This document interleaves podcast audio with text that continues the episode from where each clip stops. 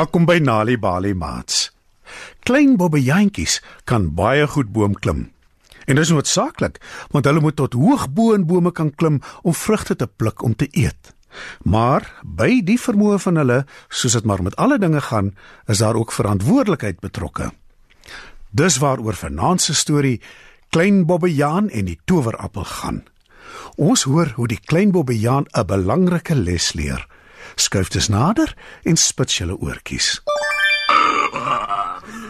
Lank gelede was daar 'n klein bobbejaan en sy ma. Een oggend toe die klein bobbejaan wakker word, is hy sommer baie honger. Hm, kos, ek soek kos. Sy maag grom, maar hy weet wat om te doen. Hy roep sy ma. Mamma, mag ek na die groot boom toe gaan en appels soek om te eet? Natuurlik, antwoord mamma Bobbejaan. Maak net seker jy bly uit die moeilikheid. Moenie 'n stout Bobbejaan wees nie. Hulle sê as 'n klein Bobbejaan stout is, word sy agtersteewe 'n helder pink. Klein Bobbejaan beloof hy sal soet wees en draf na sy gunsteling appelboom toe. Hy weet dus waar al die beste appels is. Dit is ook 'n ongewone appelboom. Die appels aan die boom is nie gevorm soos gewone appels nie. Nee, hulle groei in enige vorm denkbaar. Daar is vierkantige appels, driehoekige appels, koelronde appels en stervormige appels. Niemand weet hoekom die appels aan die boom al die verskillende vorms het nie. Dit was maar nog altyd so. Daar is nog iets uitsonderlik aan die boom. Die appel heel bo aan die boom word nooit gepluk nie. Die appel wat heel bo aan die boom groei, word ook nooit oorryp nie. Dit val ook nooit op die grond nie en dit word ook nooit sleg nie. Dit bly altyd blink, rooi en kraakvars. Toe klein Bobbejaan by sy gunsteling appelboom aankom, kyk hy op na die takke wat hoog in die lug opryk. Die boom is langer as al die ander bome in die omgewing. Geen dier het nog ooit tot bo in die boom probeer klim nie. Hulle pluk gewoonlik die appels wat laag hang. Maar toe klein Bobbejaan opkyk, wonder hy oor die appel wat bo aan die boom hang. Hoe smaak die appel? En hoekom val dit nooit af op die grond en word sleg soos die ander appels nie? Hoekom lyk dit altyd so blink, so rooi, so kraakvars en so heerlik? Klein Bobbejaan wonder ook wat sal gebeur as hy tot bo in die boom klim. Nou wat is die ergste wat kan gebeur? Sal ek in die moeilikheid kom as ek net aan die appel raak? En wie sal my in elk geval sien? dink hy. Hy het 'n brandende begeerte om net aan die appel te raak en begin opklim in die boom.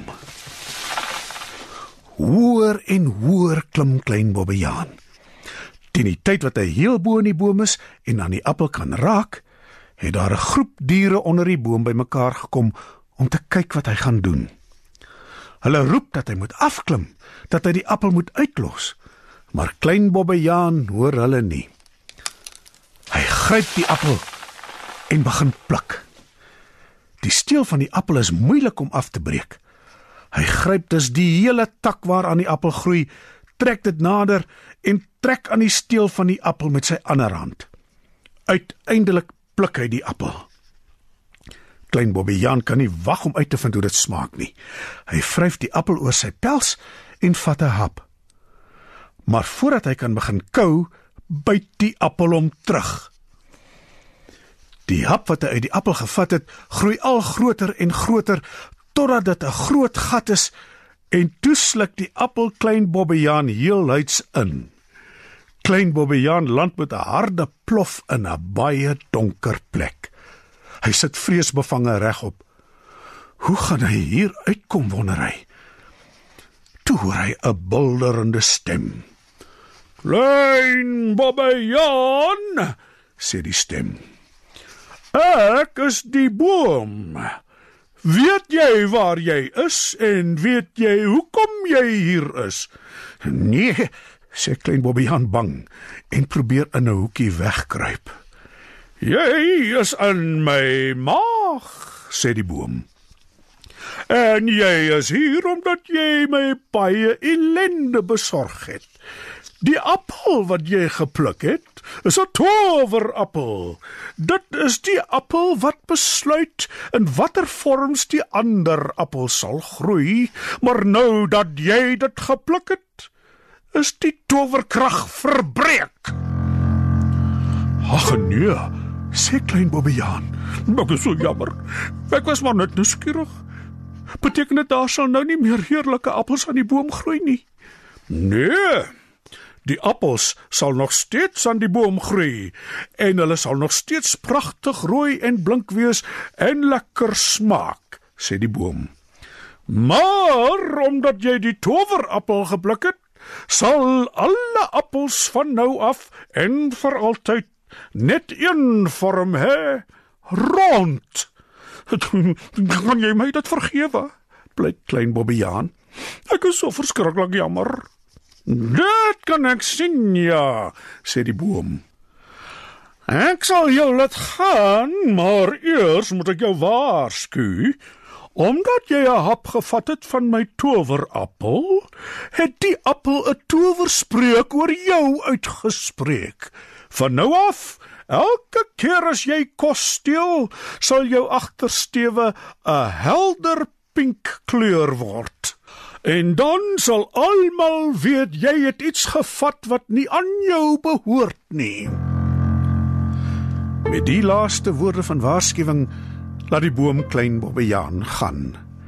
Hy klim uit die donker diep stam van die boom en loop sterk tussen die bene huis toe. En omdat hy iets gevat het wat nie aan hom behoort nie, is sy agtersteewe helder pink.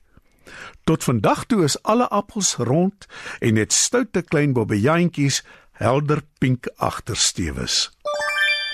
Vanaand se storie Klein Bobbejaan en die Towerappel is geskryf deur Nicholas Weet.